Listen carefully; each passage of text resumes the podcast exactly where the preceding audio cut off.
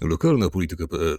Unikalne analizy, badania, sondaże i raporty ze świata polskiej polityki samorządowej. E, dzień dobry, ja nazywam się Franciszek Michałowski. Ja nazywam się Łukasz Pawłowski. A to jest rozmowa międzymiastowa i w dzisiejszym odcinku porozmawiamy o tym, co wydarzyło się w roku 2022 i postaramy się postawić pewne tezy co do tego, co wydarzy się w roku 2023. E, jeśli chodzi o politykę samorządową e, w Polsce. E, w roku 2022 mieliśmy jedne wybory przyspieszone na wysokim szczeblu, ale to nie było jedyne miejsce, gdzie zmieniła się władza. Mówię o wyborach na prezydenta Rudy Śląskiej, E, które nam powiedziały sporo o między innymi o tym, co się będzie działo prawdopodobnie w wyborach samorządowych w 2023. Chodzi o to, że zmienia się dynamika rywalizacji e, w samorządzie. E, Łukaszu, czy jeszcze mógłbyś coś dodać dotyczących tych wyborów? Być może jeśli chodzi o tych wyborów, niedużo, ale moim zdaniem najważniejsze jest to, że w tym roku, to jest chyba najważniejsza rzecz, która dotyczy w ogóle samorządów w tym roku, poznaliśmy datę wyborów, wyborów samorządowych. E, czyli PiS przepracował najpierw w uzgodnieniu z prezydentem, tam doszło do kompromisu, że, że to będzie wiosna 24, a nie jesień 24, tak jak duża część PiSu chciała. Przepracowali tą ustawę, prezydent ją podpisał, jakby stała się prawem, czyli kadencja samorządu została przedłużona do wiosny 24. E, no i mniej więcej wiemy, kiedy te wybory będą. Na lokalnej polityce nawet mamy taki specjalny licznik. Wybory będą 7 kwietnia 2024 roku.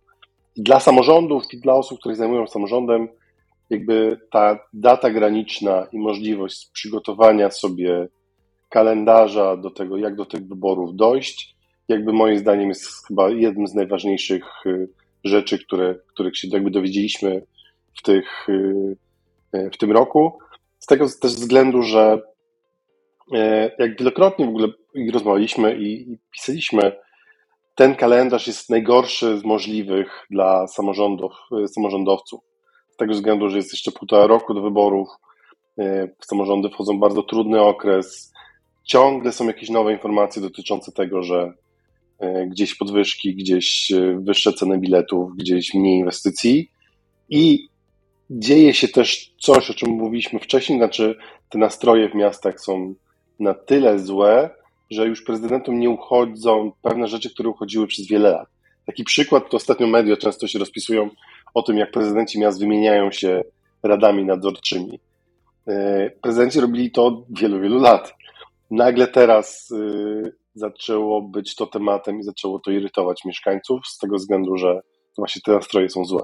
Więc jakby dla mnie kluczową informacją w 2022 roku jest to, że wybory będą w 2024. Mamy do tego jeszcze dużo czasu i tak naprawdę każdy prezydent musi sobie ułożyć ten kalendarz w ten sposób.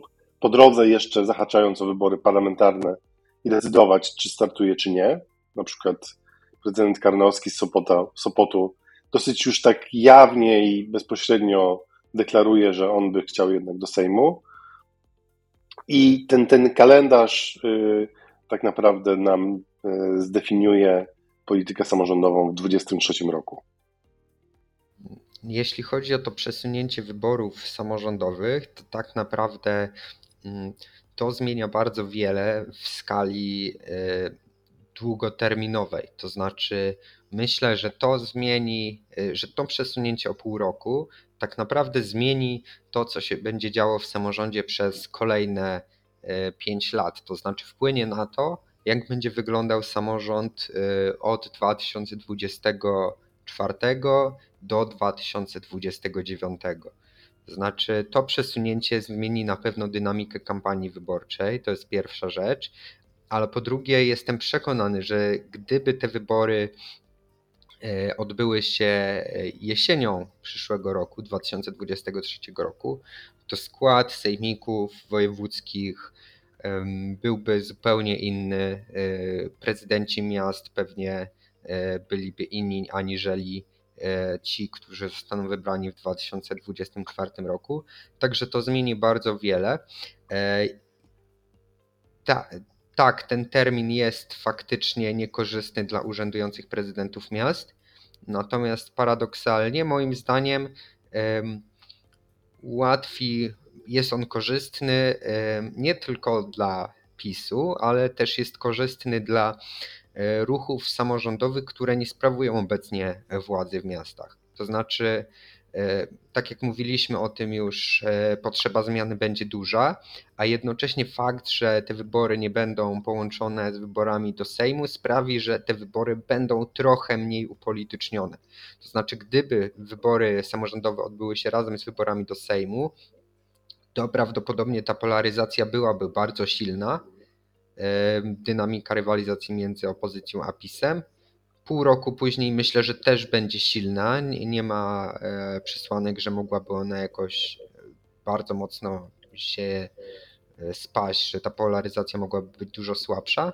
Natomiast będzie na pewno słabsza z tego powodu, że jest, będzie po wyborach i w połączeniu z tą potrzebą zmiany szanse na wejście do e, rad na urzędy wójtów, burmistrzów, prezydentów, do sejmików przez lokalne ruchy samorządowe będzie po prostu większe, aniżeli by było, gdyby tych przesunięcia tych wyborów nie było. Także e, te przesunięcie nie jest korzystne tylko dla partii rządzącej, ale też moim zdaniem dla lokalnych ruchów samorządowych, które nie wpisują się w tą e, polaryzację.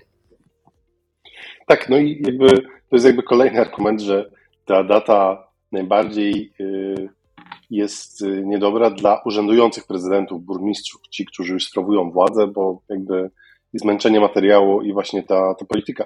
Zresztą y, pomożemy tutaj sobie jakby określić ten kalendarz, co się będzie, będzie się działo co można zrobić. Prawda? Mamy koniec roku, ma, będziemy mieć 23 rok.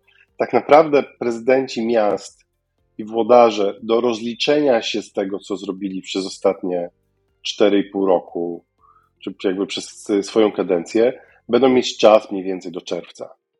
Potem są wakacje, potem będzie kampania parlamentarna, która jakby wszystko zje pod względem, jakby wysysa powietrze z debaty publicznej, bo to będzie, prawda, przy silnej polaryzacji, ostra walka i tak dalej.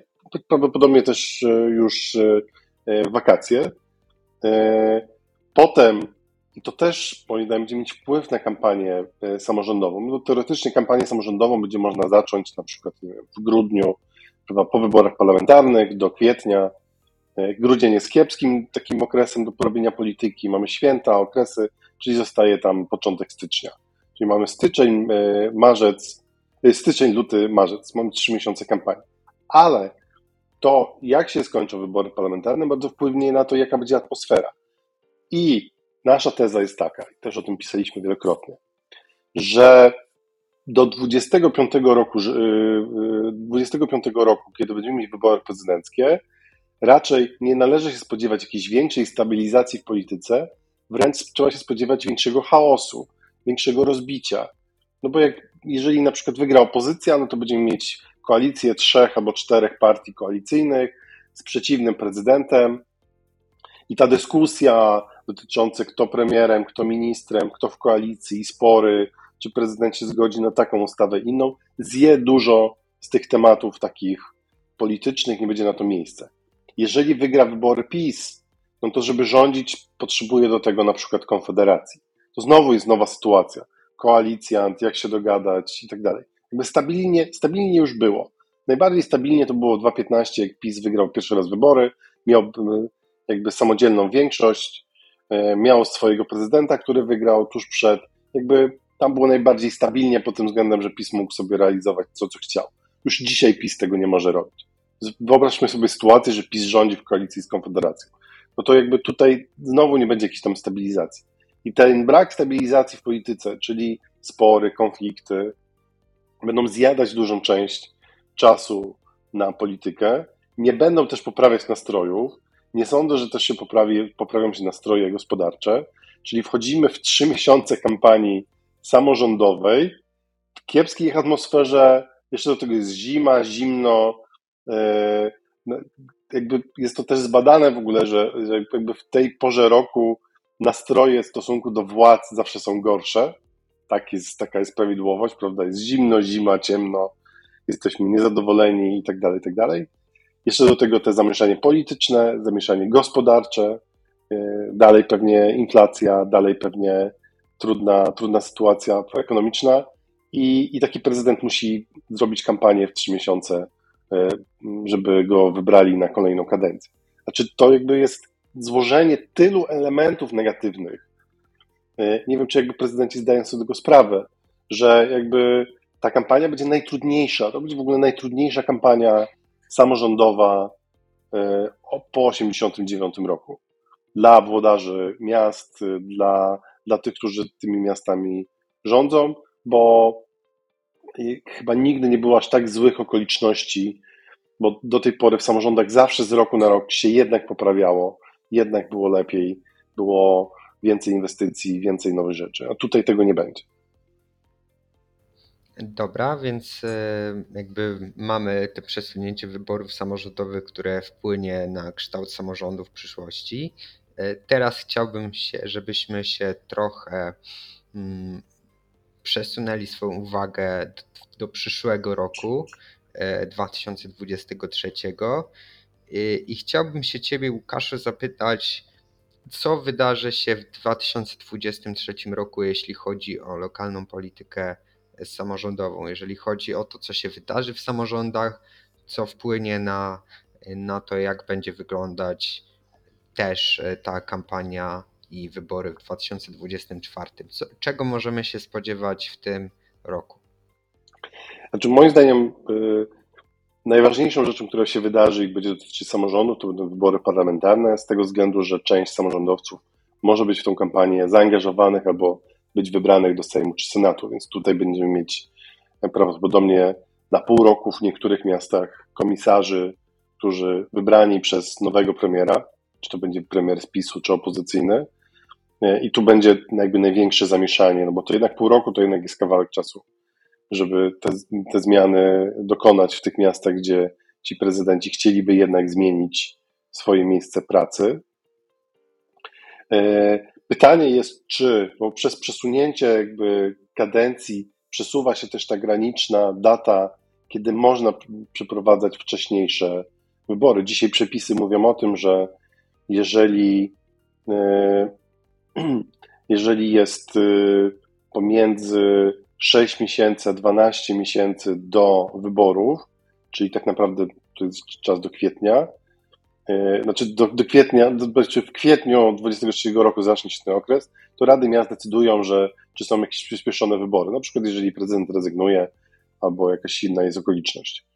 E, więc tu jest jeszcze przestrzeń, do, do kwietnia to jest obligatoryjne, od kwietnia potem przez pół roku, czyli mniej więcej do października, e, jeszcze mogą być przyspieszone wybory. Nie sądzę, żeby Rady Miast się na to decydowały, więc myślę, że jeszcze jest okazja i możliwość, że do kwietnia jakieś przyspieszone wybory w jakimś mieście mogą się wydarzyć, tak jak się wydarzyły w Rudzie Śląskiej, czy wcześniej e, w, wcześniej w Rzeszowie.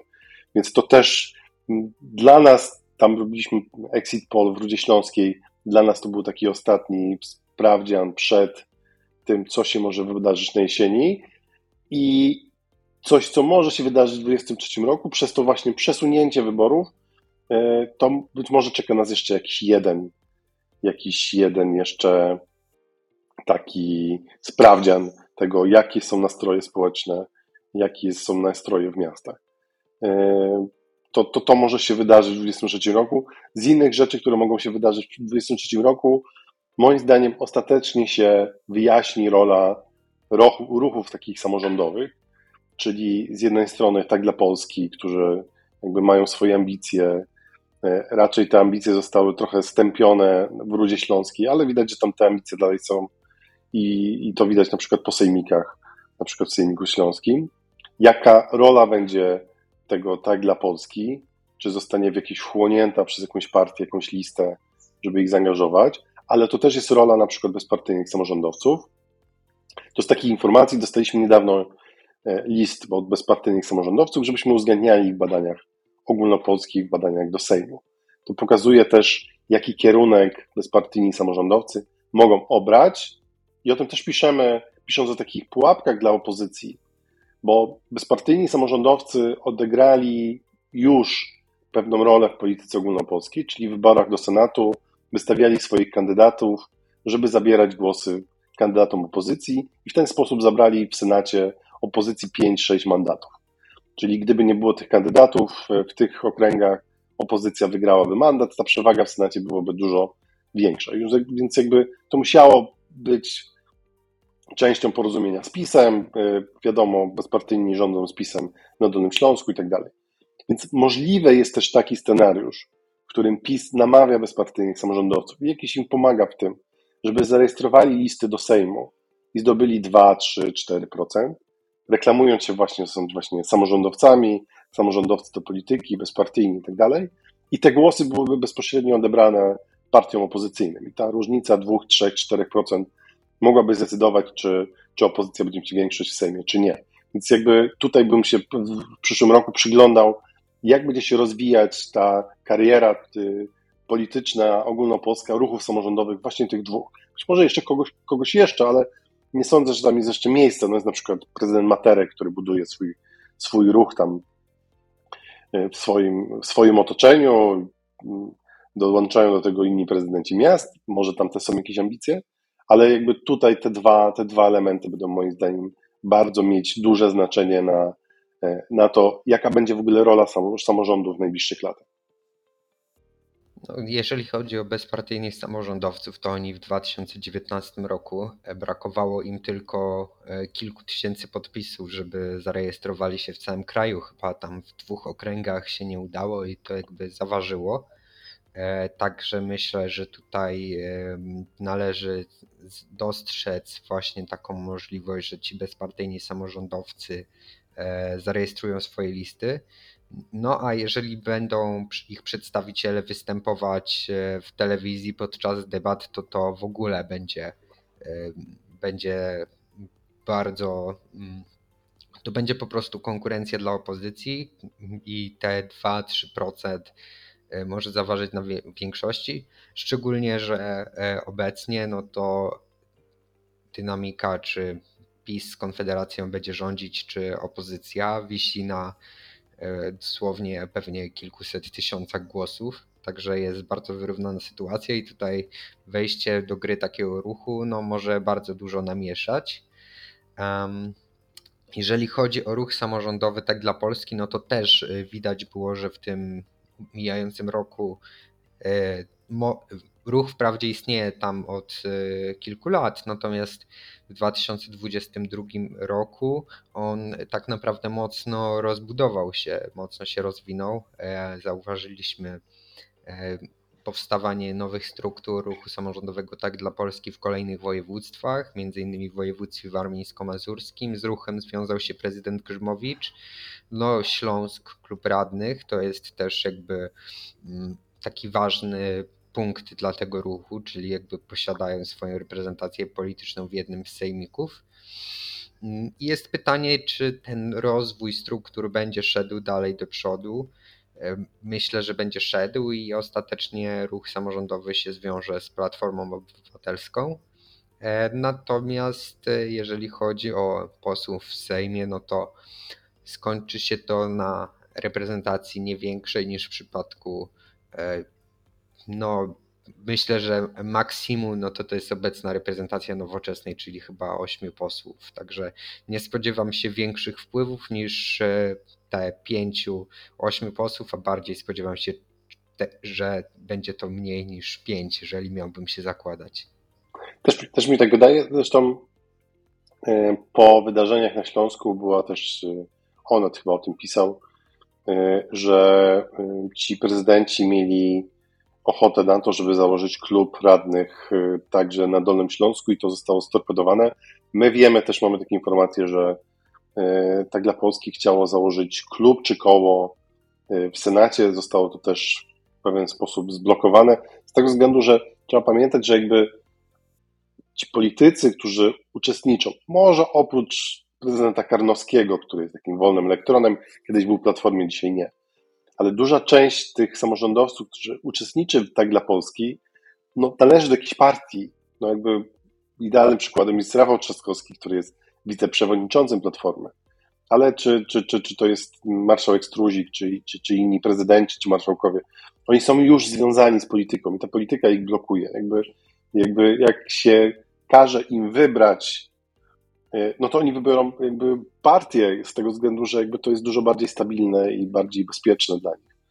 E, więc e, mam wrażenie, że tak dla Polski szuka sobie dla siebie miejsca, że to ostatnie wydarzenia to są takie właśnie, że pokazanie, że jednak tam jest jakaś sprawczość, ale jak przyjdzie to do czego i negocjowanie list i tak dalej, to, to ta, negocy, ta pozycja negocjacyjna może być, może być ciężka, bo na końcu i tak się decydującą rolę będą mieć liderzy, liderzy partyjni. Tak więc, a zupełnie odrzucam taką propozycję, taką możliwość, że na przykład tak dla Polski wystartuje jako osobna lista. Myślę, że już nikt o tym nie myśli. Kiedyś były takie pomysły.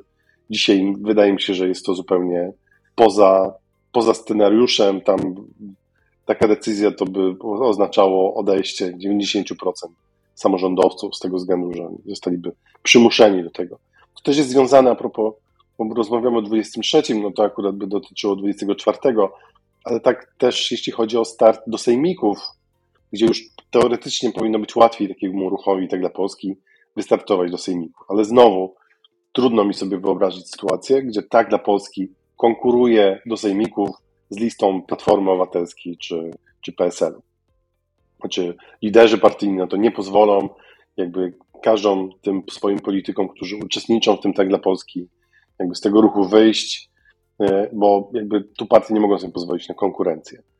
I, i wydaje mi się, że e, zamysł był taki, taką ostatnio mam skojarzenie, kiedyś jak miała powstać koalicja PiSu i Platformy, to powstawał dziennik e, Gazeta Prawna i on miałby właśnie, miałby trochę łączyć takie te środowiska i jak do tej koalicji nie doszło, to, to mówiono, że ten dziennik Gazeta Prawna został trochę e, mm, został trochę jak ten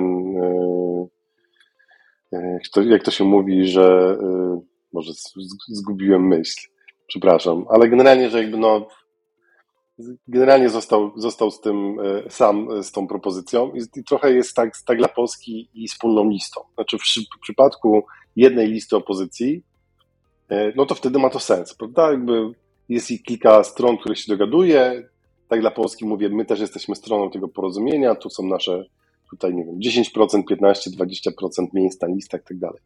Jakby wydaje mi się, że po to w ogóle powstał, jako taki rozgrywający, jako jeden z elementów takiej wspólnej jakiejś koalicji, jakiegoś porozumienia.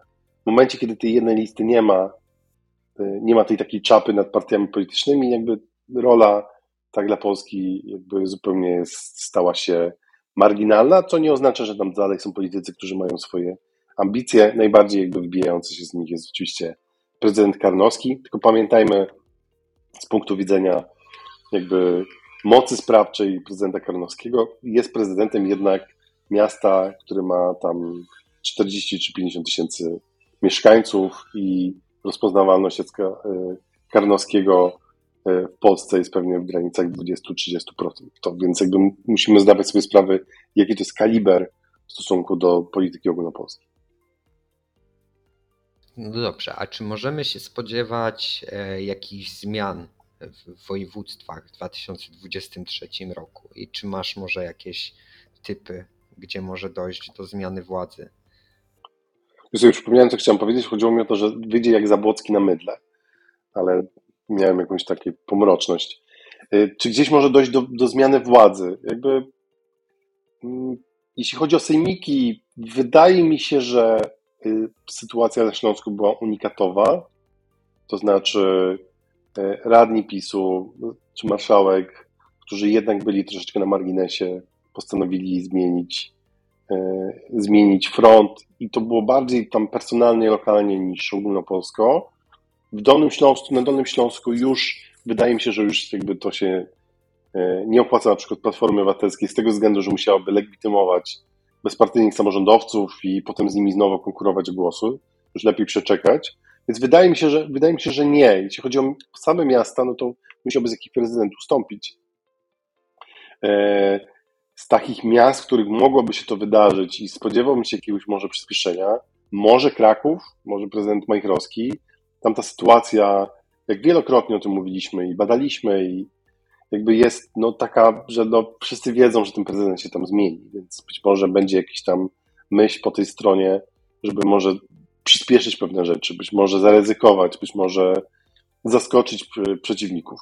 Tak więc y, y, tu bym się spodziewał jakichś tam zmian, ale nie, nie sądzę, że to były jakieś radykalne, radykalne ruchy, chyba że związane z tym, że prezydenci będą startować do Sejmu, ale to, to, to jest ostatnie już pół roku. Mm, ja, gdybym miał obstawiać, w których województwach zmieni się władza, to bym powiedział, że tutaj stawiam zastrzeżenie dotyczące tego, co się wydarzy w wyborach do Sejmu, bo myślę, że e, może dojść do zmiany władzy w kilku województwach, nawet no w kilku, w jednym, dwóch, e, po wyborach do Sejmu. E, na przykład wyobrażam sobie taką sytuację, że że poparcie PiSu spada jeszcze o kilka punktów procentowych. PiS decyduje się, że idzie do wyborów samodzielnie bez Ziobry i wówczas ci radni Solidarnej Polski w kilku województwach zaczynają szukać dla siebie opcji.